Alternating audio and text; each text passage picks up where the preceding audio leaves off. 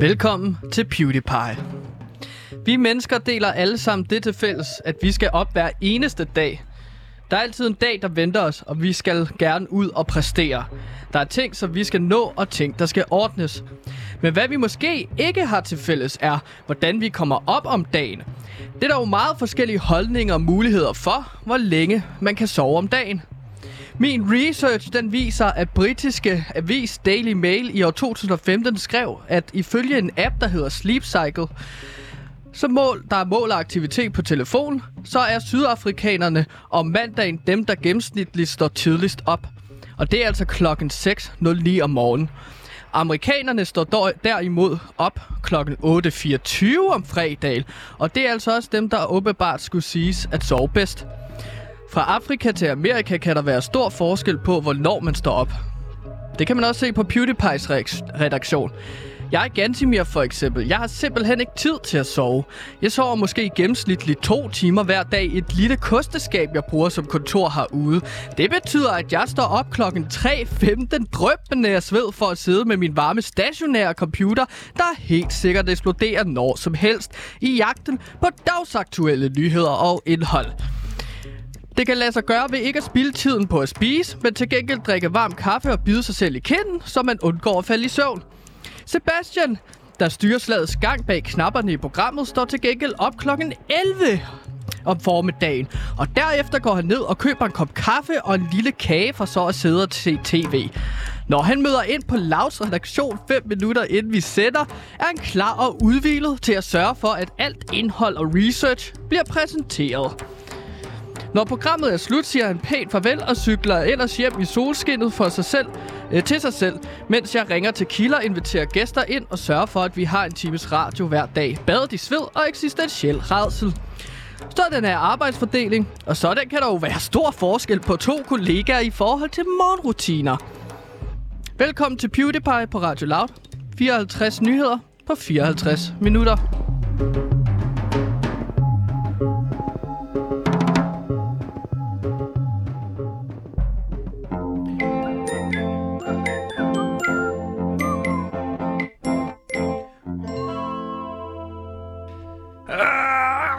Jeg strækker mig lige for lige at komme godt i gang og ryst alt det udendørsagtige af sig, som man ligesom er rigtig godt i gang. Gantemir, velkommen til programmet. Mit navn det er Sebastian. Jeg er, ja, ham som Gantemir jo rigtig nok beskrev som ham, der styrer slagets gang. Med os ude i regien, der har vi vores producer, og så tænker du, nå, så er I jo nok at finde på laut, som vi plejer. Nej, vi rykker ud i landet, og hvor vi er, det kommer vi til lige om lidt. Fordi inden det vil jeg lige øh, byde velkommen til min Ja, efterhånden også respekteret researcher og indholdsansvarlig, i hvert fald herude på Loud. Gantimir Ertugras velkommen til programmet. Gantimir har research med. Han har også lidt indhold med. Øh, uh, Hallo, Gantimir her. Jeg er researcher og indholdansvarlig, og det betyder, at jeg sørger for, at researche øh, nyheder på internettet eller viser, og så tage dem med ind til programmet, sådan så I har jeres daglige nyhedsoverblik. Det er et nyhedsmagasin for jer, der bare gerne vil igennem alle nyheder, der findes på en dag. På 54 nyheder. Kantimir, har det været svært at finde nyheder til dagens program? Nej, fordi vi har jo haft en hel weekend, hvor der er sket så meget. Øhm, så det er, jeg har virkelig skulle sortere fra. Det er igen så noget med, at man skal kill your darlings. Ja. Og hvis man ikke ved, hvad det betyder, så handler det om... Så behøver du ikke at forklare det nu. Okay. Men altså, der har været en hylde fyldt med de dejligste, saftigste nyheder, som jeg bare har kunne tage af. Og øh, så har jeg altså valgt øh, 54 af dem ud til jer. Og kan du, inden vi kommer til den første nyhed, som jeg ved, vi skal præsentere om lidt, kan du så lige komme ind på, hvad har du egentlig valgt fra? Hvad var den sidste, der ikke klarede kottet til dagens program i dag? Jamen, der sker jo alt muligt pis i Sydafrika lige nu. Ja. Og det gad jeg simpelthen ikke at snakke om. Nej. Øhm, men der fortalte jeg jo også lige i introen, tænkte jeg, at så kunne jeg snakke lidt om Sydafrika. De står op klokken gennemsnitligt 6.09 om morgenen om mandagen. Ja. Og ret sindssygt research, synes jeg. Men Gansimir, vi sender jo lige nu fra Svendborg, og så vil, vil folk nok tænke, hvad laver I i Svendborg? Jo, vi er taget på Spager Resort, på det, der hedder H.C. Andersen Spager Resort. Og mm-hmm. det er ikke sådan, at vi bare er taget herned, fordi hmm, det kunne være hyggeligt med noget badeferie. Vi er her faktisk af en helt særlig grund, og hvad er det, Gansimir? Jamen, vi er her på grund af, at vi arbejder øh, på vores nye True Crime Podcast. Og det True Crime Podcast, Sebastian, Den øh, kalder vi jo for H.C. Andersen-mordet. Ja, lige præcis. Og det har i hvert fald ikke noget at gøre med, at vi har fået bombetrusler på den gamle adresse, øh, at vi rykker ud, fordi der er jo et tidspunkt, hvis de, hvis de er blevet med at gætte, så skal de jo nok ramme rigtigt på et tidspunkt. Og så kunne det være rart at være ude af huset lige Jamen, præcis man, den man kan dag. sige, hvis man bomber alle adresser i hele Danmark, Ja. så skal man nok få fat på Loud. En lille bombeleg, hvor man kan sige, at vi rykker rundt hver dag øh, for Prøv ligesom at at undgå... os! Ej, det er ikke en opfordring. Det skal jeg lige så fast. Nå, nej, det er nej. selvfølgelig ikke en opfordring Nej, til Klart. at ramme os på nogen som helst måde. Ganske vi er jo netop kommet i gang med den true crime, som vi skal i gang med i dag. Og senere skal vi jo høre det første afsnit i den true crime. Men inden vi kommer dertil, så er vi jo forpligtet via vores øh, sendetilladelse til at komme igennem 54 nyheder på 54 minutter. Det var faktisk lidt sent i vores programforløb, at vi fandt ud af, at vi var for- forpligtet til 54 nyheder. Ja, de kom jo så hen til os, og så siger, så, hvorfor fanden sender I ikke nyheder? Og det var ledelsen, der kom hen til os, øh, som vi ikke må nævne navne på. Men de kom hen til os, og så Efter et sagde... halvt år, ikke? Jo. Det er lidt sent måske, men hvor de kommer ind og siger, hvorfor fanden er det, I prøver at blive lykkelige? Gider I godt prøve at sende de 54 nyheder, I er forpligtet til? Altså i et nyhedsprogram, der sender fra 1 til 2, hvorfor fanden snakker I om øh, det manuskript, som Gantimir er i gang med at skrive, for eksempel? Ja, der fik vi sved på panden, fordi at, øh, der skulle indhentes nogle nyheder. Så lad os komme i gang med dagens... Vi har skulle lave 108 nyheder per afsnit de første øh, tre måneder, ikke? Jo. Øh, hvilket giver et utroligt stort stress i forhold til, at øh, sendetilladelsen, den sagde jo, at vi skal sende nyheder. Så der kom lige pludselig øh, øh, fart over feltet og ild i skoen, som man siger. Så det var et stressende lille øje, øh, øh, oplevelse. Ja, så har vi selvfølgelig også efterfølgende fået mm, en, en lille øh, reprimand i forhold til, det tit ender med at blive en snak omkring det faktum, at vi laver nyheder, i stedet for nyheder. Men, og derfor skal vi... Nej, du skal ikke begynde at snakke. Ja, ja. Ikke noget Jo. metasnak, Gantemir, for nu skal vi til en nyhed, en fuldstændig aktuel nyhed, Gantemir. Fordi Jesper Hansen, så er der sikkert mange derude, der tænker, hvad, er det ikke ham målmanden, der lige er skiftet fra Midtjylland til Jeg AGF? skulle til at sige det, men jeg tror ikke, at der er så mange, der stiller det spørgsmål. Det er en anden Jesper Hansen, mine damer og herrer. Øh, et anden dansk Jesper Hansen. Vil du præsentere nyheden? er du sød at lade mig fortælle den her nyhed nu? Du afsporer snakken konstant. Gantemir, Jesper Hansen, og ikke målmanden, som er skiftet fra FC Midtjylland til AGF. Det står i mit oplæg, jeg er nødt til at læse det. Skidskyderen, som du jo udpegede som Danmarks helt store medaljehåb, tog i dag i øh, morges, kan man sige, en sølvmedalje i skidskydning. Og først og fremmest, Gantemir, kan du så ikke lige fortælle, hvad er skidskydning? Hvad er det, det går ud på?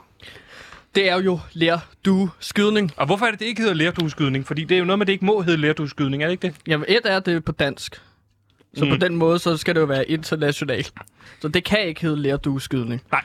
Øhm, skidskydning, det er jo en gammel tradition, sådan helt tilbage fra 17 øh, århundrede. At det var jæger, der gik ud, og så skød de ligesom efter fugle, der fløj op, duer, Mm. øh, hvor man så fik hundene til at løbe rundt. Det er en meget adelig sport, Ja. sådan greverne øh, dyrket. Og så kom den, øh, så kom den virkelig... Øh, så blev den meget populær til at dyrkes til olympiske lege. Så blev den hed ind der. Ja. Og øh, nu hedder det skiskydning. Okay, så det er derfor, det hedder skidskydning. Mm. Okay. Gantemir, vi fik jo en sølvmedalje her i, øh, i morges. Kan vi være tilfredse med det? Danmarks første medalje. Nu er vi i gang. Nej. Nej. Det handler, det handler om til OL at øh, vinde guld. Det er Okay. jo det, man gerne vil. Jeg, havde Alt- den, jeg var af den overbevisning, at OL lige så meget handler om øh, at være med og vise sportsmanship og ære sporten og mødes på kryds og tværs af landene. Og det er jo også derfor, man giver medaljer til to andenpladsen og tredjepladsen for at sige, det er vigtigt. Altså, det er ikke kun én plads, der er vigtig. Der er Mm. tre pladser, der er vigtige. Ja, men for mig så er en sølvmedalje, øh, man får over halsen en ond påmindelse om, at man ikke har vundet guld. Okay. Så, Så så på vi skal den- ikke være tilfredse. Nej, på, der, det er jo en ydmygelse. Du, så, du var ikke god nok. Det er ligesom, da vi klippede håret af feltmadrasser under 2. verdenskrig, ikke? Så kan man sige sådan, Undskyld haha, hvordan, prøv at hvordan se, er det, han med er det? det guld. Fordi han går rundt med en sølvmedalje. Okay. Eller bronzemedalje for den sags skyld. Hvis du til gengæld kom på en fjerdeplads, så har du ikke den onde med, øh, meddelelse. Så kan du bare sige, øh, så kan du lade som om du ikke var med øh, om mange år. Så Ja. kan de spørge dig, sådan din bedste for Hey, var du ikke med i bedst- skiskydning? Nej, det var jeg i hvert fald ikke. Det var jeg ikke. Jeg var ikke med til det pis. Ellers Så- så, havde du set nogle medaljer hænge. Eller Nu- guldmedaljer, ikke? Nu så vi jo flotte og rørende billeder af Jesper Hansen på podiet med sin, øh, sin flotte sølvmedalje øh, stå smilende og vinke ud, og vi så ham, den gamle mand fra Kuwait, med det flotte overskæg, også stå og vinke ud med sin bronzemedalje. Hvad synes du havde været, været det rigtige at gøre for Jesper Hansen her, øh, da han står på podiet, og hele verden ser med? Han havde, jeg synes, han skulle have prøvet at stille sig op på førstepladsen og prøve at se, om der var nogen, der lagde mærke til det. Og så de bare lagde guldmedaljen rundt om hans hals. Og så siger han, bordet fanger, og så skulle han have løbet. Og det, der synes jeg ligesom, at man skal vise, at man gerne vil spille med alle knep. Ja, Og der det- var Jesper Hansen ikke modig eller stærk nok. Og lige præcis det her med, at alle knep gælder, det er jo super interessant, fordi at øh, indtil videre, det, eller det er jo faktisk også lige en ny nyhed, der kom ud i, i dag, så er det, at kineserne er blevet beskyldt for at snyde Gantemir. Og det er jo ikke... Igen, igen, igen, igen. Igen, igen, igen, igen er de blevet beskyldt for at snyde. Og det er ikke hvilken som helst person, der vælger at beskylde dem for at snyde. Det er nemlig den danske badmintontræner, som beskylder dem for at snyde og har vil indgive en klage i aften. Og det vil han, fordi at den kinesiske badminton dobbel, øh, de bruger, der må man kun have én træner. Altså når man har en dobbelthold, må man kun have én træner, der skal træne begge to. Ja. Det de har fået med, det er, at de siger, at men den ene koreaner, han kan ikke snakke med dem, så er vi nødt til at have en tolk med, der kan oversætte for dem. Men man har sådan fundet ud af, at tolken, han også træner dem. Så de har dobbelttræner på, der kan coache hver enkelt af de to øh, badmintonspillere, i stedet for kun en enkelt. På den ene side, så har jeg stor respekt for forsøget, fordi at, at når man er tolk, så er det svært at gennemskue, om han er med til at træne, eller om han bare oversætter det, som træneren siger. Men på den anden side, så er det jo uhørt og fuldstændig imod den, øh, altså sportens ånd, at man går imod reglerne. Har du ikke lige sagt, undskyld mig, nu prøver jeg lige at gentage, hvad du sagde. Synes du, du sagde, at Jesper Hansen skulle stille sig op på førsteplads podiet, og se, om de lagde guldmedaljen over ham med en fejl, og så skulle han sige, bordet fanger og løbe. Altså, han skulle prøve at snyde sig til guldmedaljen. Nu siger du, det er mod sportens ånd, når kineserne snyder. Nu begynder du at diskriminere i, på baggrund af race. Nej, nej. Jeg diskriminerer ikke mod race. Men jeg er en patriot. det vil jeg gerne stå ved. Hvad er Ja. forskellen? Bare lige så du, så jeg er med på den. Nå, okay, men så lad os sige, at jeg diskriminerer kineser. Fint. Okay. Nej, men stop. Fordi jeg diskriminerer også franskmænd. Okay. På den måde, ikke? Jo. Så lad os bare sige, okay, jeg diskriminerer alle verdens befolkning på trods af, eller på, ja, på trods Så af du hudfarve og religion. du er i virkeligheden mere racist, end dem, der kun hader kineser. Du hader alle andre end danskere, når det kommer til OL. I den grad. Om de er hvide, eller sorte, eller brune, eller hvad de nu er. Ja, Eller kommer dem. fra det ydre rum. Så, så, så hader jeg den. Okay, men hvad kan man sige om den her tenden- tendens? Fordi nu er det jo den første kineser, øh, der måske er blevet taget i at snyde. Hvad, hvad, hvad kan det sige om det her OL? Jamen, det som det siger, det er jo, at det her års OL, olympiske lege, det har aldrig været mere politisk, end Okay. det er i år. Det sagde du jo også om Europamesterskaberne i fodbold, at det har aldrig været mere politisk, end det er lige nu. Jamen, man siger jo, lad os skille sport og politik ad. Og jeg siger, det kan du ikke, din dumme idiot. Til mig kan- eller til hvem? Hvem Men det, du siger blandt det her andet dig. Okay. Jeg siger til dig, du kan ikke skille det ad, din dumme idiot. Nej, Okay. Og, og i år er det mere politisk, end det nogensinde har været. Du kan ikke spille, spille, skulle jeg til at sige. Det gør spillerne, men du kan ikke skille sport og politik fra hinanden. Altså, det er jo... Jeg vil sige, at det her, der er sket med øh, kinesiske badminton double øh, og deres dobbelt trænerbrug, Mhm. at det er jo tydeligt bevis på, at den her kolde krig er op og vende igen. Okay. Der er kold Endnu krigsførsel. gang, gang i en ny kold krig. Den er bare øh, påbegyndt nu til, til et OL. Og nu ville det have været fuldstændig fantastisk at kunne stille om til vores reporter, som vi har sendt ned til øh, Japan i Tokyo, øh, som Laut har sendt ned på, på Lauts regning, Ja. øh, som jo har endt med at blive din gode ven, Peter Pascal, som vi har sendt afsted som reporter, som også øh, fungerer som ekspert herude på Laut. Ja. Vi har ikke kunne få fat i ham, øh, Nej. siden vi sendte ham afsted, Gantemir, og det er dig, der har skulle stå for kontakten til ham. Hvad er der sket? Fordi jeg kan jo se på hans Instagram, at han tydeligvis er i Tokyo, fordi han har lagt et øh, billede op af et lille stykke sushi her i går. Vi kan bekræfte, at Peter Pascal, han er i Tokyo, Så langt, så godt. og han nyder det. Det kan vi også bekræfte på de billeder, som du rigtig nok beskriver. Jeg har ikke kunne få fat på ham, hverken over telefon, hverken over besked, og heller ikke via Instagram. Han svarer simpelthen ikke på beskederne lige nu. Nej, så lige nu er vi ude i en situation, hvor Loud betaler for din ven, Peter Pascal, kan tage til Tokyo og hygge sig. Det går jo ikke. Det er jo meningen, at han skal fungere i samtlige af de her programmer, der kører i løbet af dagen. Øh, Feedet, Klub, alle de her programmer, Touché, øh, hvis, de, hvis de gad sende, så kunne, så kunne øh, de jo tage fat i og sige, hey, kan vi få en, en stemningsreportage nede fra Tokyo? Ja. Ingen kan få fat i ham, og det er dig, der står for kontakten. Hvad er det, der foregår, Gantemir? Det er jo for dårligt i virkeligheden, Jeg får snakket med ham øh, for i sidste uge. inden han er taget sted. Ja, og så sig, vender jeg det med ham. Hey, Peter Pascal, min gode ven. Kunne du ikke tænke dig at blive hyret som vores reporter i Tokyo mm. for Lauts regning? Mm. Øh, vi bestiller billet, vi vil sørge for, at du får mad at spise dernede, og så videre, og så videre. Du skal bare rapportere derfra. Og så siger han, ja. Rungerne, ja tak. Og så ved jeg, at så siger jeg farvel til ham i lufthavnen. Jeg vinker farvel. Ja. Han tager flyet. Og så øh, ender han i Japan. Og så prøver jeg at ringe til ham. Et for at få nogle opdateringer, men noget andet er også, fordi han er min ven. Så jeg Mhm. vil gerne høre, hvordan det går. Svarer ikke. Han tager ikke telefonen. Så den eneste måde, jeg ligesom ved, at han er i Japan på, det er at give dem Instagram. Ja. Billeder, nu, ikke? nu har du bare gengivet alt det, vi lige har talt om. Jeg spørger dig, og Ja, det, hvad vil du have svar på? Jeg Jeg, jeg kan ikke få helt- fat på ham, og der stopper den. Så hvad skal jeg svare? Jeg føler, at jeg skal stå på mål for ham. det er dig, der har sendt dig afsted.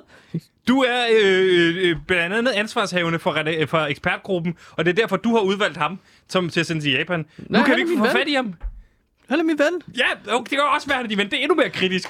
Du nævner kun ting, der gør det værre for dig selv. Jamen, jeg, stadig, jeg forsøger stadigvæk at ringe til ham, men jeg ved ikke, hvad man gør ved en ekspert, der stikker af til udlandet, og som du ikke kan få fat på.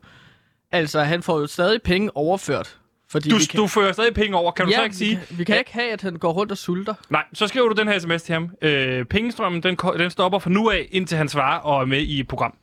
Det skriver du til ham nu. Yes, det gør det. Ja, eller efter programmet. Du behøver ikke stå og gøre det nu. Nej, ellers så glemmer jeg det bare. Men jeg, sk- jeg skriver til ham. Og øh, så. Ja. Altså- Så mens du står... Har du sendt den nu? Ja. Du Der, er- du der er er i hvert fald i gang i den uh, til OL, kan man da sige, ikke? Vi kan jo stadig se sporten på tv, så, så reporter er ikke så nødvendige alligevel. Jo, fordi ellers så er, det, så er det meningsløse penge, vi sender afsted. Gansimir, få skrevet den sms færdig, fordi du tydeligvis ikke skrevet til ham endnu. Du kan, det, du simpelthen ikke kunne nå Øh. endnu. Gansimir, mens du husker det, så, så få lige skrevet til ham, okay? Hvad var det? Nu er den her. Den podcast, alle kommer til at tale om. Fra skaberne bag Mor i Nord, Spyd i Syd og Hest i Vest kommer nu Høst i Øst. En langsomlig fortælling om rismarker i Vietnam. En podcastserie på to afsnit. Hør Høst i Øst eksklusivt på Radio Loud.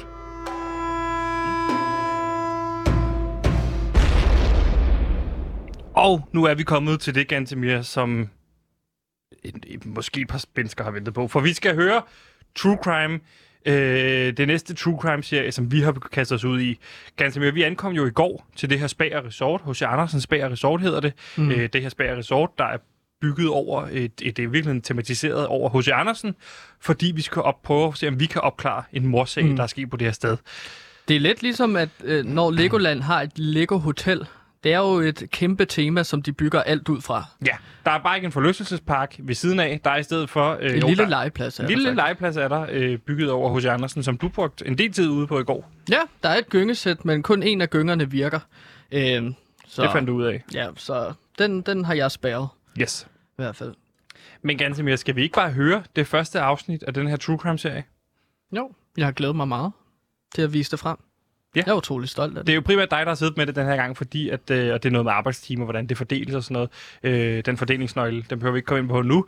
Men øh, jeg synes, vi skal høre det første afsnit. Og hvis man sidder derude er i tvivl og tænker, hmm, lige nu er I jo live. Hvad vil, hvad vil det så sige, det er det næste, der sker? Jo, det næste, der sker, det er en form for båndet reportage, som du skal høre. Så når vi tæller ned fra 3, når vi rammer 0, og vi siger nu, så går det i gang. Bare så alle med, Gantemir, ikke? Ja, er det på 3 eller på nu? På nu. På så nu. Vi, på nu. Så vi er tager på 3, nul. 2, 1, og så tager vi 0 med, og så nu. Okay, så er det faktisk 4 på en eller anden måde. Ja, det er faktisk 5, fordi vi tager 0 med. Nej, vi siger 3. Nå, på den måde. Så nu det tæller du med i antallet af sekunder. Ja, fordi det, det tæller jo i hver... Altså, der er 5 sekunder. Du siger tre tal, og så kommer der et nu, og så kommer vi i gang. Ah, så smart. Okay. Det- Det, så det- vi det er tæller klart. ned fra 3, øh, så bliver, er der om 5 sekunder, så er der podcast. Det er den, klart den nemmeste måde, jeg kan forklare det på. Er du klar? Det tror jeg. 3, 3, 2, 1, 0, nu! Du lytter lige nu til True Crime podcasten H.C. Andersen Mordet. En fortælling om et eventyrinspireret mor, begået på et H.C. Andersen tematiseret spa og resort. Dette er det første afsnit.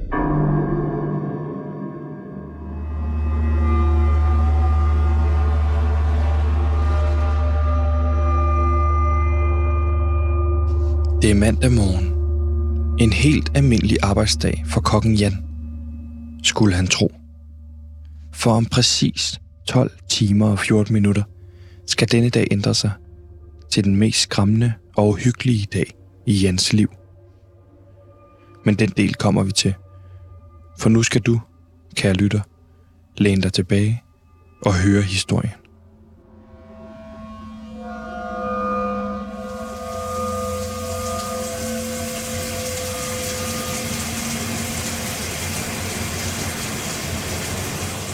For Jan er lige nu i bad og ved at gøre sig klar til at arbejde. Han er en tilfreds mand. Han er glad for sit nye arbejde på H.C. Andersens Bager Resort. Det er ikke altid ham og ejeren er enige om alt, men det går nok. Så det er faktisk en nynnende Jan, vi har i bilen på vej til arbejde.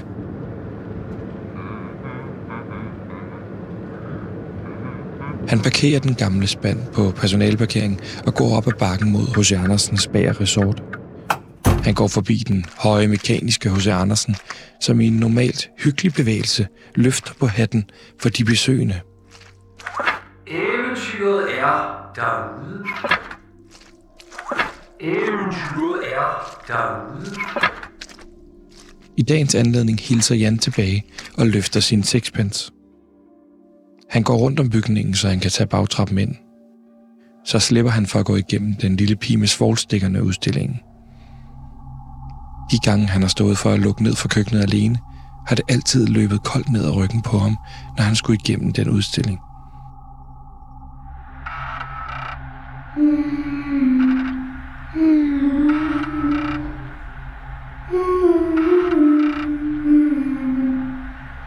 Er noget over den mekaniske lille pige, som nærmest hjemsøger ham om natten. Det er de unaturligt store øjne, som har det med at følge en, lige meget hvor man står.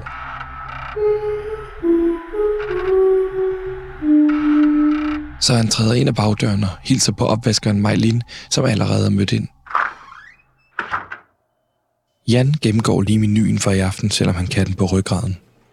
Og dagen flyver der ud af, ligesom retterne bliver sendt ud af køkkenet i en lindstrøm. Det er en god dag. Ingen ildebrænde, som der ellers normalt konstant skal slukkes. Han kigger tilfreds rundt på sit køkken, som knokler derudad. Han kommer i tanke om noget til desserten i fryserummet, som han skal have taget ud, hvis det skal nå at tøge op. Han kigger på sit ur. Det skal han nok nå. Han går fløjten over til fryserummet, men noget afbryder hans fløjten. En svag lyd af noget træ, som knækker. Han kigger undrende under sin fod og opdager, at han er trådt på en tændstik. Hvorfor fanden ligger der tændstikker i hans køkken?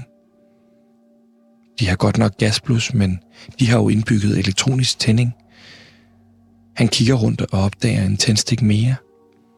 Han kalder på Majlin og spørger, om hun kender noget til det. Hun har ikke set dem før nu. De opdager med det samme endnu en tændstik. Og det er som om de her tændstikker er spor, som ligger snor lige legnet op. Og de fører alle sammen ud til fryserummet.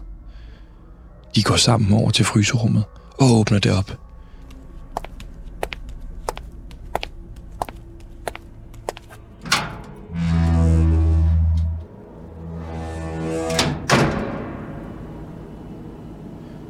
Og lige inden for døren ligger der endnu en tændstik. Og endnu en. Og endnu en. Og alle tændstikkerne fører over til hjørnet af fryserummet. Jan følger tændstikkerne, og hvad der afslører sig rundt om hjørnet gør, at alt blod forlader hans hoved. Det er lige før han besvimer. Og selvom der er minus 6 grader herinde, så løber det alligevel koldt ned ad ryggen på ham. En nøgen, død kvinde sidder sammenkrøllet i hjørnet med en pakke tændstikker i hænderne. Det er som om, at tiden står stille, og det eneste han hører er hans egen hjertebanken og en rungen for ørerne.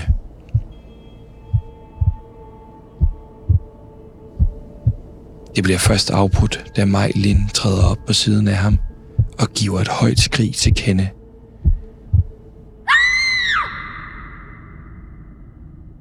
Det er en af de besøgende, som er blevet dræbt. Og ikke en hvilken som helst besøgende. Det er anmelderen fra TripAdvisor.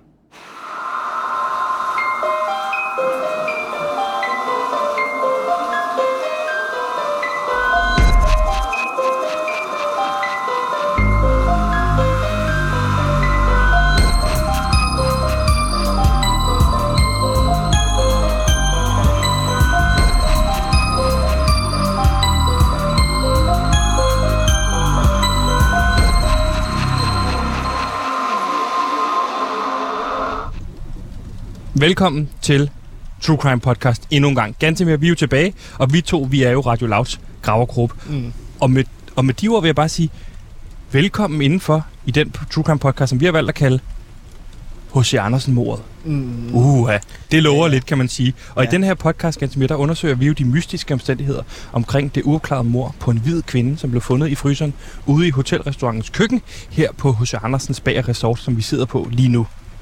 Det, der sker, Gantemir, som vi har fået forklaret, det er, det er blevet fastlagt, at på datoen den 7. maj 2021, der blev den her TripAdvisor-anmelder, Martine Køjnicke, fundet død i fryseren her, Mm. på restaurant, her i restauranten.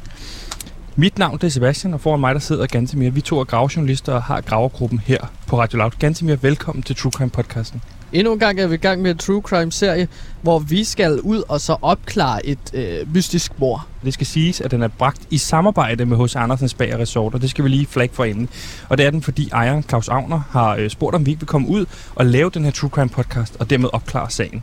Og ligesom på samme måde som Loud laver podcast med andre kultursteder, som Nationalmuseet, Vega og Roskilde Festival, så kan man sige, at den her podcast betaler hos Andersens Bager Resort hele lortet for. Kost og logi. Kost og logi, Overnatning. overnatning, efterforskning. Vi er et form for rejsehold, der rykker ud. Og mm. I den forbindelse vil jeg lige sige her i, i indledning, også velkommen til ejer på stedet her, Claus Agner.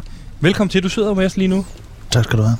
Måske sidder der nogle lytter derude og så overvejer, hm, hos Andersens Bager Resort, det der er godt nok øh, spøjst.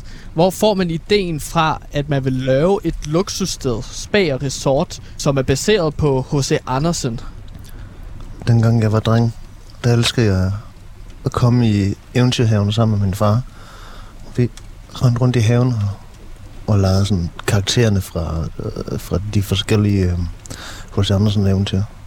Lige så længe jeg kan huske, så har vi i min familie altid haft en dyb fascination af Hans Christian Andersen. Min fars far og hans fars far, altså det som der er min oldefar, øh, der kan vi spore, at der har været en fascination for Hans Christian Andersens værker. Og inden vi kommer for godt i gang, så skal jeg jo lige kort nævne, H.C. Andersens Bager Resort, det er altså noget, du kan finde på Otte, Otte Rodsvej her i Svendborg. Og det er altså lige nu åbent. De modtager gæster og giver lækre luksusoplevelser som mad, spa, ridning, musik, pool og meget mere. Og alt sammen er altså pakket ind i det her tema, skabt over hele Danmarks yndlingsdigter, H.C. Andersen. Og lige nu sidder vi jo faktisk i øh, hotelrestauranten, øh, den fyldte træskos lounge, og får os en lækker kop kaffe samt et stykke H.C. Andersen øh, portvinkage. Så jeg vil lige skåle i kage, kan man sige til jer. Skål. Mm. Og tak fordi I vil komme. Ja, og, og det kan jo lige siges ganske mere, hvis man skal have et blik ind i maskinrummet. Det er jo dig, der bliver kontaktet af Claus Agner i sin tid. Jamen, jeg kommer hen til dig med sagen. Ja. Og så foreslår jeg, hey, jeg har den næste True Crime podcast, som vi kan komme ud med. Ja. Men så hører jeg, at det, vi skal til Svendborg, vi skal til Fyn, rej, over, altså der er rejse, overarbejde og sådan noget. Øh, men så fortæller du dig- mig, at alt er betalt, kost, logi og så videre. Ja. Lige spændende. Det sagde Claus Agner jo selv. Lige til mig. præcis. Og så fortæller du mig også, at det er en hvid kvinde, der er myrdet. Og når jeg hører, at det er en hvid kvinde, så tænker jeg, fedt. Fordi det er jo noget, som, som folk rent faktisk interesserer sig for, når hvide kvinder dør. Og lige nu der sidder vi jo så i hotellets øh, restaurant, som øh, du er ejer af, men øh, du fortæller, fortæller os jo også, at du har en køkkenchef, Jan, som vi også skal tale med her senere. Kan du ikke fortælle os, hvad der går igennem dit hoved, når du får at vide, at der ligger en død kvinde i øh, jeres øh, fryserum? Jeg blev ringet op en, en sen fredag aften af min, øh, en af dem, som arbejder på, på stedet her, som hedder Tove. Hun ringer så og videreformidler, hvad der er, at, at der er nogen, at der, Martine er kommet til skade. Mm. Ja, hun er jo rent faktisk død. Men det er jo ikke sikkert. Som sagt, når man laver true crime, så ved man ikke, hvad der er, det slutter. Og sådan er det jo. Og derfor er det jo meget rart for os lige at forve- forventningsafstemme med Claus. Mm. Claus, hvad forventer du af podcasten i forhold til, hvad forventer du af os i virkeligheden? Jeg forventer jo, at vi sammen alle sammen opnår en eller anden form for større refleksion over, hvad det er, der er sket her på stedet. Øh, en ting, det er jo omstændighederne omkring hendes død, som jo er mærkelige, Vi er, jo, vi er jo interesseret i, hvad det er, der er foregået. Øh, især på grund af vores ry og rygte. Ja. ja. Og så Ja. skal det jo også på en eller anden måde øh, fungere som en fin reklame for din, dit sted her, fordi Ja, du betaler jo også hele podcasten, ikke? Ja, det gør jeg. Og, og, og for, lige for at forstå det, jeres, jeres hotelkæde her har jo været hårdt ramt af netop den her begivenhed, der skete tilbage i maj. Der er mange tomme værelser, der står rundt omkring. Ja, Det ja. virker ikke som et spa-resort, Nej. det her sted, som boomer lige Nej. nu. Det har ikke været rart. Det skal jeg da være den første til at. Det, der sker, det er jo, at i og med, at vi ikke kan betale alle regningerne, så må vi jo lukke lige så stille ned for de forskellige resorter. Og så er der også saunaen har vi også skruet ned. Så i stedet for de der 100 grader, så er vi nede på 48. Og det er jo sådan lidt... Det er jo ikke et rigtigt sauna. Jeg ved i hvert fald, at jeg har booket massagetid øh, senere nede hos, øh, hos, hvad hedder det, øh, Louise. Louise er jo så en af dem, der er blevet sendt hjem. Undskyld mig, det er lige sket, fordi jeg har lige booket tiden, inden vi trykker optag her. Der er nogle software-ting, der lige skal fikses. Fordi Louise har ikke været her i hvert fald tre uger. Så der er slet ikke nogen mas- øh, massør lige nu. Jo, men der skal jeg selv masseres her på samme tid som dig, så du må lige vente lidt. Okay, men så har jeg i hvert fald tiden efter. Fordi så hvis du har, så har du taget 15, så kan jeg tage 16. Hvad bliver klokken så? 16. Altså før du kan komme til? Ja. Der er vi så lukket for massage for, for i dag. Ganske hvad var det, vi skulle nu, sagde du? Næste skridt er, at vi skal tale med Jan Kokken, der fandt Martine i fryserummet.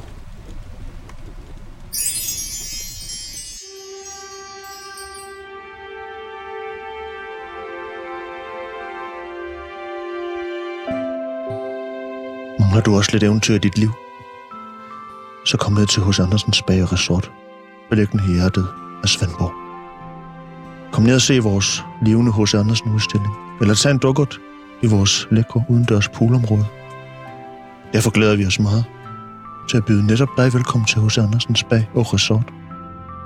Fyns næststørste hos Andersen Temahotel. Find os på Otterodsvej i Svendborg. Livet er et eventyr.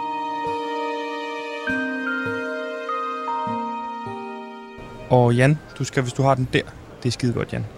Hva? Ja, De der høretelefoner. ja, ja, ja klar, du er jo ikke helt vant til radio, som Åh, jeg er. nej, nej, jeg, jeg forstår det godt, jeg forstår det godt. Godt nok. Jamen, så står vi her jo her i den øh, fyldte træskos køkken, og øh, jeg står her, jeg står også sammen med dig, Gantemir. Du har lige smurt dig en sandwich, kan jeg se. Jeg har lige tilladt mig at åbne køleskabet, ja. Ja. og så finde, øh, hvad der ellers er.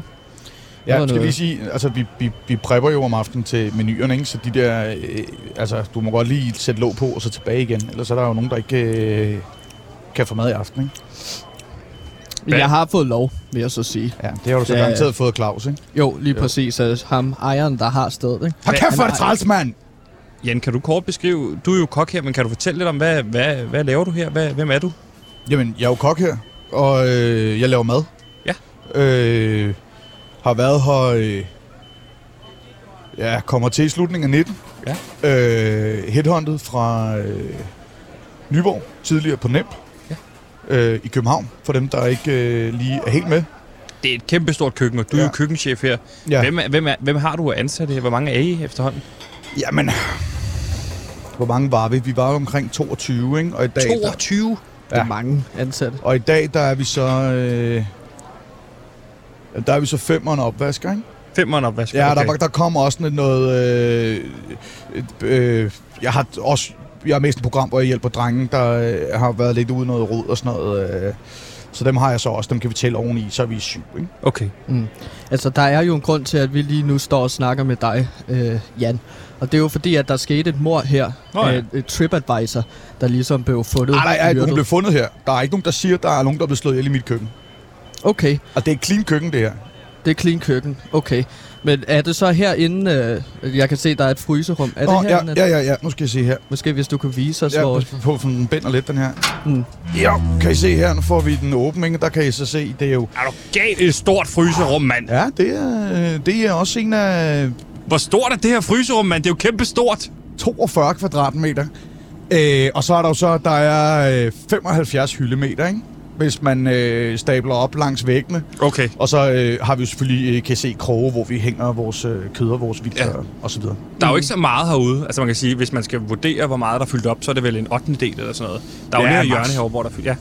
Jamen, det har jo noget at gøre igen med, øh, med coronaen, ikke? Claus, han havde jo rigtig store planer, og øh, hvad kan man sige? Claus han er lidt uheldig en gang imellem. Det var han så også her med sin timing. Eller det var vi så flere, der var. Så, øh, så nu er vi jo nede og køre på... Passer sgu nok meget godt med en 8. dels kapacitet, ikke? Okay, og hvor er det helt præcis, at de fandt livet? Nå, men det, øh, det er der, ved siden af, hvad hedder det, ved siden af øh, kartoflerne der, ikke? Okay, og Her? der, hvor der også er sådan ja. øh, nogle røde blodpletter.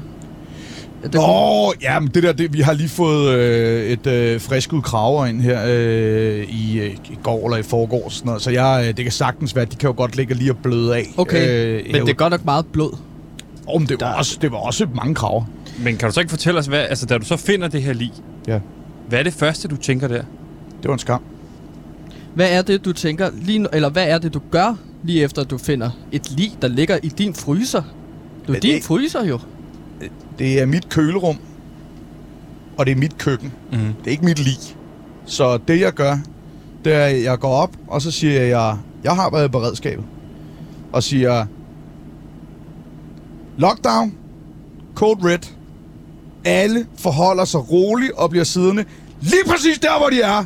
Og det gør du, inden du fortæller dem, der er et lig. Ja, ja, fordi øh, du, det vigtige er ikke at skabe panik. Hvad gør folk så, da du kommer løbende igennem restauranten, de her gæster, og råber Code Red, hvor du løber op mod receptionen? Ja, der er så et par stykker, der går i panik. Okay. Øh, og, øh, og, og løber ud, ikke? Men de fleste, jeg når også lige at råbe, lad være at gå i panik!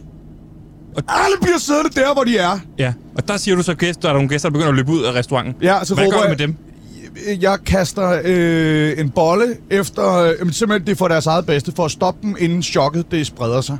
Okay. Øh, jeg rammer ikke. Øh, jeg har noget tennisalbue, det har jeg haft længe, og det springer op der. Det er pisseuheldigt, fordi det er et tight køkken, det her. Ja. Men, øh, og øh, så når jeg lige at råbe, der er en, der er død! Kom tilbage! Øhm, og øh, det får et par af dem til at stoppe. Og så skynder jeg hen og låser alle dørene, så folk ikke kan komme ud. Så du låser folk inde i det, din restaurant? Det er meget vigtigt, at chokket ikke breder sig. Ja. Så ringer jeg til politiet. Og så siger de alarmcentralen, og så siger jeg, Red! Der er fundet et lig i mit, i mit køkken, øh, køleskab, kølerum. Jeg var også selv lidt, øh, man bliver jo sådan lidt, når man ser det, ikke? Ja. Og frossen lidt på den måde. Og, sådan Ja. noget. og så siger de, hvor, øh, vi kommer med det samme. Ja. Øh, og så kommer de så, øh, og så spørger de, hvor er alle henne? Så siger jeg, bare roligt, jeg har låst dem alle sammen inde i restauranten. Hvad siger politiet til, at du har låst alle gæsterne og personale ind i restauranten? Jamen, de, de, de undrer sig lidt til at starte med, indtil jeg får forklaret øh, øh, situationens omfang. Ja. Men Jan, må jeg så spørge dig, hvad fortalte du politiet? Hvor var du henne den aften, den jeg, nat? jeg var på vej på arbejde. Jeg havde været hjemme hos svigermekanikken i Nyborg. Okay. Så er der nogle ansatte, der, der blev... Altså, du siger, alle blev, øh, ansatte blev afhørt. Jamen, øh, ja, ja. Alle, alle blev clearet. De tjekkede kølerum, de tjekkede køkken. De fandt jo ikke en skid, for jeg holder et rent køkken. Ja, okay. Så øh, indtil videre, der... Øh, Så du har... Det, er jo- og det er jo sådan selvfølgelig en fejl, men du har så fjernet alle bevismaterialer. Det har jeg da i hvert fald ikke. Nej. Jeg har holdt et rent køkken. Men de har ikke kunne finde et eneste Ja, spor de, gjorde det, de tog da livet med. Ja, ja, så gjorde jeg det rent efter dem. Og selv tak i øvrigt. For jeg holder et rent køkken. Okay, så du, du gør simpelthen rent efter de fjerner livet, inden de når så teknisk øh, afdeling? Ej, men jeg er jo ikke politimand. Jeg ved jo ikke, hvad der er op og ned. Når de siger, nu skal vi ikke bruge livet længere, og de tager den der stakkels frosne kotelet af et kvindemenneske med ud på borgen, så tænker jeg, fint, jeg skal prep til i aften. Vi har, vi har mistet fire timer, og PT har jeg øh, et, et bonghoved og en opvasker til at få klaret alt det her. Vi kører stor menu for fanden. Jeg skal selv ind og servere. Okay. Det er der ikke tid til. Nej. Kommer de at gøre rent? Nej, det gør de kraftedeme mig ikke. Og jeg holder rent køkken. Må jeg, må jeg spørge for lige at vende tilbage til ejeren af det her øh, hotel? Claus mm. Agner yes. har du nævnt et par gange nu. Mm. Kan du ikke fortælle mig lidt om, hvem er han som type? Fuld af gode idéer. Okay. Øh, I hvert fald fuld af idéer, ikke? Han kom godt nok ned og, og siger, at nu har han altså inviteret øh, madanmeldere og fine folk og foodies og bloggers og hvad det hedder alle sammen fra nær og fjern. Nu skal de alle sammen komme her, og skal de smage min mad. Og der tænker jeg jo så for satan, mand. Det var der noget af en pres på. Så der kommer Men en masse anmelder fra Nej, hele... der, det gør der så ikke. Øh, der sker simpelthen det. Jeg tror igen, han er uheldig med noget timing. Øh, fordi der kommer så hende... Øh, TripAdvisoren der, Ja. øh, som hvis ikke var tilknyttet noget fast medie, så vidt jeg forstod. Men altså, jeg er også bare kok, ikke? Jeg står jo lidt her og tænker, at så inviterer man en øh, anmelder ind, og man driver et sted, som måske kan siges, at det går dårligt. En dårlig anmeldelse fra en TripAdvisor, det vil jo altså være dødstødet til den her restaurant, hotel, luksussted. Øh, det virker lidt mistænkeligt for mig, Jan. Det er en smadret uheldig situation, at hun lige er TripAdvisor, øh, når nu hun dør øh, her på vores øh, resort, ikke? Jo. Øh, det er jo klart, det havde været noget federe, hvis øh, hun nu lige var død på parkeringspladsen. Øh, eller, øh, eller slet ikke død. for Ja, for det er slet ikke Ja, ja, ved, ja. hvad det. Ja, ja, det havde nok i virkeligheden været det nemmeste, ikke? Jo. Øh, for os alle sammen. Jo, det havde det. øh, Men har du så nogen idé om, hvem der, så hvis det ikke er nogen fra hotellet her, hvem der kunne have slået hende ihjel? Den Nej. her TripAdvisor. Nej, Nej? det har jeg ikke. Okay. Altså, øh, altså det eneste, vi... Øh, det eneste, jeg har hørt, Mm. øh, når jeg har været nede på havnen og så videre, det er, at nogle af ungerne siger, det spøger, ikke? Øh, Det spørger, siger du? Ja, de siger ungerne.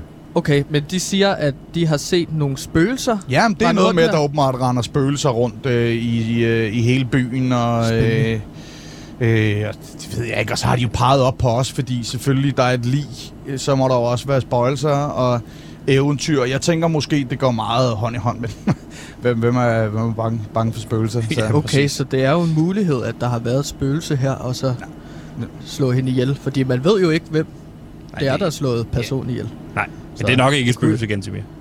Nå, men man skal jo aldrig sige aldrig, vil jeg så sige. Og jeg Nej. synes, at det er i hvert fald en uh, teori, som vi skal have åben. Uh, så Vi skal i hvert fald ikke øh, forstyrre Jan nu øh, mere. Nej, jeg skal også... Øh, jeg skal også lige... Nu skal jeg lige have ryddet op efter øh, Gandimir. Ja, jeg tager lige noget mere. Nej, Ja, nej, ved du hvad? kan ikke, Gandimir, øh, du fik lov. Claus sagde, kan- du kunne tage kan- en sandwich. Kan jeg tage en cider, der står her? Ja, det kan du godt. Tag en cider, og så... Øh, Du drikker ikke cider. Du, du siger, du hader cider. Ja, men nu ryger det lige lommen.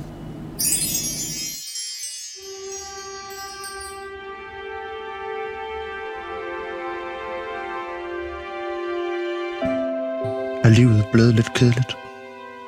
Mangler du stadig lidt eventyr i dit liv? Så kom ned til hos Andersens Bag og Resort, beliggende i hjertet af Svendborg. Få blandt andet stillesulten på vores delikate restaurant. Den fyldte træsko, hvor alle retter er lavet over hos Andersens fantastiske eventyr. Og hvis der er lidt varmt i restauranten, så er det bare fordi, vi stadig har indkyllinger. Ejeren Claus er udover at være den stolte indehaver af Andersen Spag og Resort, også far til tre skønne drenge. De tre drenge må gå sultne i seng, hvis der ikke snart kommer kunder i butikken. Så find hos Andersen Spag og Resort på Rette Rådsvej i Svendborg. Livet er et eventyr.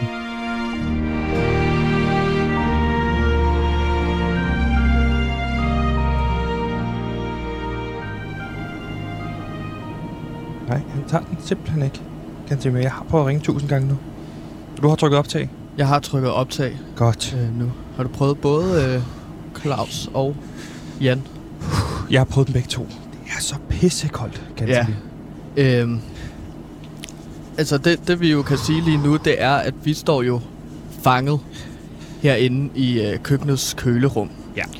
Det var ikke sådan, jeg havde forestillet mig, at, at det, det første afsnit af den her True Crime podcast skulle slutte. Men vi står simpelthen fanget inde i et kølerum. Ja. Og det er ikke derfor, jeg er på Spag Resort. Jeg er på Spag Resort for at hygge mig og få massage. Jamen, og lige det- nu kan ja. vi ikke få fat i Claus, Nej. og vi kan ikke få fat i Jan. Ja, nogle af dem, og vi er fanget inde i det her kølerum, fordi du absolut skulle tjekke nede i bagenden, da vi havde en, Jan herinde i et interview, og nu er Jan gået ud i den overbevisning om, at vi også var gået ud. Og Gantemir, nu står vi her, og det er pissekoldt, og jeg ved ikke, hvor længe vi kan holde til det. Jeg kan ikke få fat i nogen af dem. Gantemir, øh, vi er på det her hos Anders' Spag Resort, og som sagt, så er vi heroppe for at finde hoved og hale i, hvad der skete med den her stakkels hvide kvinde, der blev myrdet, og som blev fundet inde i det her kølerum. Ja, lige her faktisk. lige der faktisk, hvor hvor vi står. står. Ja. Gantemir, øh, hvad, hvad, hvad skal der ske nu? Det er jo ligesom dit projekt, det her True Crime halløj. Jeg vil bare gerne op og hygge mig og få noget, noget massage og, og, og, og, og hygge mig. Nu står jeg i et kølerum med, i en True Crime, hvor vi ikke kan opklare det. Hvad skal der ske nu? Jamen, vi blev jo hævet her til, til H.C. Andersens Bag Resort for at opklare det her mysterie, for at finde hoved og hale i morsagen på Martine. Øhm, der er to muligheder, Sebastian, lige nu. Ja. Den ene, det er jo, at vi undersøger lidt mere omkring ejeren af hotellet, Claus Agner. Fordi at han virker som en desperat mand, og har helt sikkert et motiv til at myrde Det er en fint. anmelder. Ikke? Hvad er den anden mulighed? Den anden mulighed, som jeg synes er den mest spændende, det er jo, at der bliver berettet om, at der er spøger herude. Ja. Og at øh, der bliver set en skikkelse, som kunne minde om et spøgelse rendende rundt her om natten. Og det er en teori, som jeg rigtig gerne vil dy- dykke dy- dybere ned i. Så du vil have, at vi skal lave en True Crime, der begynder nu at jagte et spøgelse? Ja, okay. ja meget gerne. Gantemir, det... Ej, Fuck, det er koldt, mand. mand. Gantemir, jeg synes 100% vi går med version 2. Der er ingen grund til at begynde at bide den hånd, der fodrer en. Hvorfor, hvorfor kommer vi ikke tættere på hinanden og krammer hinanden? Ej, så får varme? Gå du ikke væk fra mig. Jamen, altså... Nu, nu går vi bare rundt i ring. Nu synes jeg, vi, nu, nu går vi Okay. bare. Om, jeg, jeg slukker udstyret nu, Sebastian, ja. så.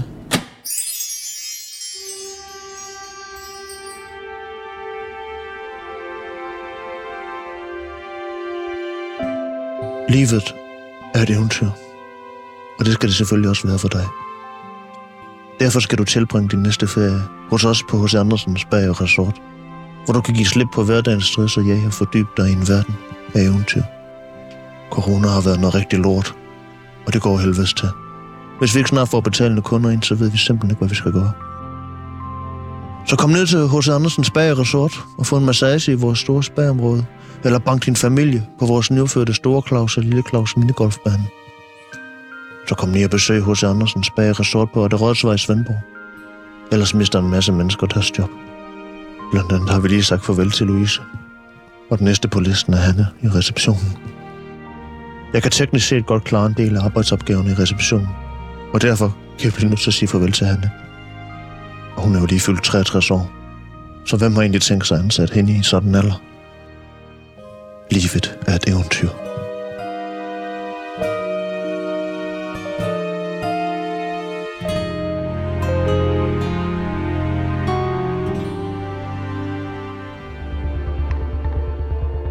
En ny sag har åbnet sig op. En tragisk true crime om mordet på en hvid kvindelig TripAdvisor-anmelder har taget sin begyndelse. En kvinde dræbt på en eventyrlig måde er den skændbarlige sandhed. Fundet frossen med tændstikker mellem hænderne på H.C. Andersens bag og Resort. Er det en morder, som leger med os, eller prøver han at kommunikere noget til mig? Har vi allerede mødt morderen her i første afsnit? Kunne det være køkkenchefen Jan med hans hissige temperament? Eller hvad med hotellejeren Claus og det oplagte motiv? Men midt imellem det ligger der en langt mere dyster og oplagt mulighed.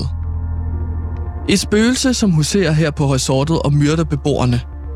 Måske er det endda H.C. Andersens spøgelse? Hmm. Hvad der er op og ned i disse spøgelseshistorier, vil vi dykke ned i i næste afsnit af H.C. Andersen mordet. Du har lyttet til det første afsnit.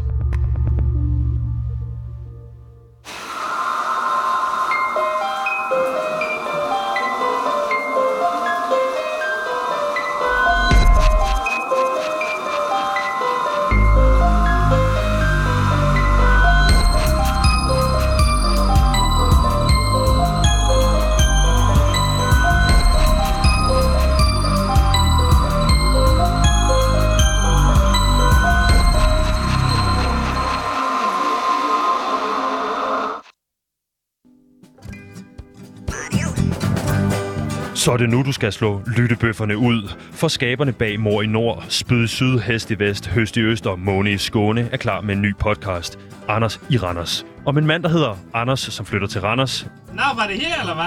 En podcast på et enkelt afsnit, som varer 6 minutter. Hør Anders i Randers eksklusivt på Radio Loud.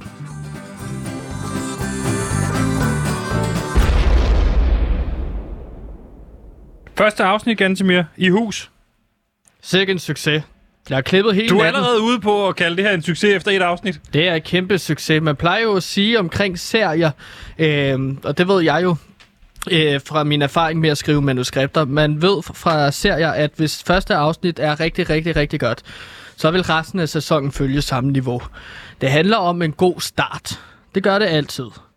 Og her har vi en helt banebrydende, perfekt start. Tit omvendt. Altså, ting skal lige i gang, kan man sige. Du ser det i Succession, du ser det også i Parks and Recreation, lang, langt fra Las Vegas. Mm. Altså, The Office, du, du, det, ting skal lige i gang, før det bliver godt. Men du siger, vi er allerede så godt i gang, at det kan kun blive en succes, det her. Så du siger, at det kommer til at gå ned og bakke herfra? Jamen, Hvis du siger, det her det er det bedste afsnit, du har lavet indtil videre, så, så bliver det jo svært at følge op i et afsnit, eventuelt afsnit 2. Vi har jo ikke lavet de andre afsnit endnu. Så det er måske lidt at tage forskud på klæden. Jeg, jeg siger bare, at jeg synes, at det her arbejde, vi har lagt i det første afsnit af vores tr- nye True Crime øh, podcast, det er virkelig godt. Ja. Og jeg synes, at de alle sammen skal dele det øh, derude. Jeg lytter, sådan, så vi kan få spredt ordet om øh, PewDiePie og øh, det radio, vi laver. Ja. Klaas, hvis du lytter med, så, husk at uh, dele det. Og Klaas, der henvender jeg mig til en lytter, som var med fra allerførste udsendelse. Ikke? En af vores første. Lytteren, vil jeg jo sige. Lytteren. Ja, lige præcis. Øhm, ja, første afsnit. Øh, vi går det i gang. Vi er jo stadig herude på H.C. Andersens Bag og Resort Yes. og hygger os. Øhm, Og du kommer til, øh, hvad? Øh, du er meget interesseret i den her teori omkring spøgelser nu, Gantemir. ja, fordi at... Jeg har givet dig carte blanche til at prøve at styre den her serie en lille smule, fordi at øh, i ti- timemæssigt har jeg svært ved at lægge flere timer i det.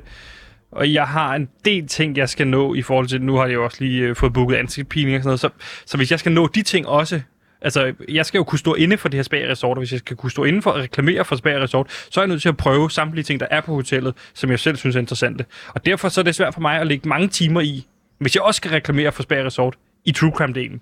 Der er du nødt til at sige, "Nå, men så går Ja, jeg ind og vi- styrer True Crime-delen. Ja, vi udfylder jo to forskellige roller i den her podcast. Ja. Ja. Du udfylder den kommercielle, hvor du reklamerer for stedet, vi er på, og så udfylder jeg øh, efterforskningsdel, Ja. hvor jeg lige og klippedel, og produ- øh, produktionsdel, og det journalistiske del, Og lyd, Øhm, lyddelen, ikke? og lyddelen. Lyduniverset og indspil Og- og- musikken. Og, og at ligesom finde gæsterne, som vi skal interviewe, ja. og så kigge i politirapporter og så videre, ikke? Obduktionsrapporter og så videre, så videre. Ja, præcis. Den har vi ikke fået nu. Den kunne du også lige skaffe en obduktionsrapport. De er altid sjove at se. Ja, men det, det vil jeg prøve lige at se, om vi ikke kan få obduktionsrapporten på Martine. Øhm, Så skaff du den der obduktionsrapport, så tager, så, så tager jeg til ansigts, ansigtspilling. Ja, det tager lidt tid, men jeg øh, er meget interesseret i at finde ud af, hvad det er, øh, der spørger herude. Det skal jeg lige finde ud af, fordi at vi ved jo ikke, hvem morderen er. Så du mente, da du sagde, at du ville jagte det her spøgelse? Ja, Teori. ja, okay. ja. Fordi at vi ved jo ikke, hvem morderen er. Og det kan være, at politiet de kigger jo kun i de dødeliges øh, rige. De kigger ikke ud over det. Og der tror jeg, at jeg kan komme ind med nogle helt nye øjne på den her sag, og så Ja. stille spørgsmålet. Kunne det ikke have været et genfærd fra de dødes rige, der er kommet, og så myrdede Martine? Er der, Det andre, kunne det da godt. er der andre sager, hvor du mener, man skulle have kigget i de dødes rige? Altså, hvor det kunne have hjulpet sagen at kigge i de dødes rige? Jamen, den Der er her, ikke så mange eksempler på det, vel? den her sag om milliardæren, øh, der blev taget i øh, fusk med penge, øh, Stein Bakker, der synes jeg godt, at man kunne have kigget lidt, øh, fået nogle, øh, hvad hedder de, mediums, øh, spirit mediums, Ja. og så Synske personer. finde ud af, hvor er pengene henne, snak med spøgelser, og så finde ud af, om Så de du mener, kunne... at der er nogle døde mennesker i de dødes rige, der ved, hvor Stein Bakkers penge er henne? Ja. For, øh, det er også et manuskript, jeg engang skrev omkring Stein Bakker-sagen. Øh, men også en bod, hvor det var et bodycop, hvor det var en levende politimand, en privatdetektiv. Og så et genfærd, han kunne snakke med. Og så skulle de ligesom finde ud af, hvor er det, pengene er henne? Fra Stein Bakkers... Så er sådan en form for cold case-serie, hvor de øh, afdeling Q-agtige hiver frem i gamle sager, men i stedet for, at han har øh, Assad øh, i afdeling Q, øh, Karl Mørk, så har han i stedet for et dødt menneske, som han går rundt, et spøgelse, og som kan, som kan snakke med andre døde, altså at lave en lakur og gå over og sige, hey, øh, Marker, der er død, ved du, kan du ikke lige bare fortælle os, hvem der gjorde det? Jo, det gjorde Peter. Og så går han over til nej, Peter bagefter. Ja, ja, men der, der er jo mere... Altså, spøgelset skal jo også lære noget i den her serie, ikke? Men det er jo sådan et klassisk... Hvad er det for en udviklingsrejse, et spøgelse skal på? Den skal lære at være okay med at være et spøgelse. Og så skal vi have ham, øh, øh, politimand, privatdetektiven, han skal overlevere øh, en besked til et spøgelseskone. Gantemir, nu kigger du mig i øjnene, og så siger du, at det her, du er Og i gang med så ender det jo selvfølgelig med, Ikke, at han bliver... oh. ikke sige i slutningen, fordi det lyder Jamen, som om det her... højt Nej, det skal du ikke gøre, for det lyder som om, du er i gang med at pitche sæson 3 af Strisser på Anholdt. Men jeg tænker da også, hvad for et spøgelse skal det være, fordi at der er så mange... Hvor, hvornår kommer det fra, det her Martin? spøgelse? Er det fra øh, det er sådan en sørøverspøgelse? En død. Med, med, med træben og... og pirat? Hvorfor skulle det være en pirat? Så, så får man rigtig body comedy ind. At så er det også... Øh, så er det også... Øh, så er det også en, øh, en serie om to forskellige mennesker fra hver deres øh, tid. Ja. En ting er sikkert, nogle gange har du gode idéer, andre gange så står du bare og fylder øh, public service radio med lort. Det er i hvert fald en øh, at slutte på her. Øh, vi Jeg vender stærkt... det lige ned. Ja, skriv det jo ned. Vi vender stærkt tilbage i morgen. Øh, kan I have det rigtig godt, og tak fordi, at I har lyttet med.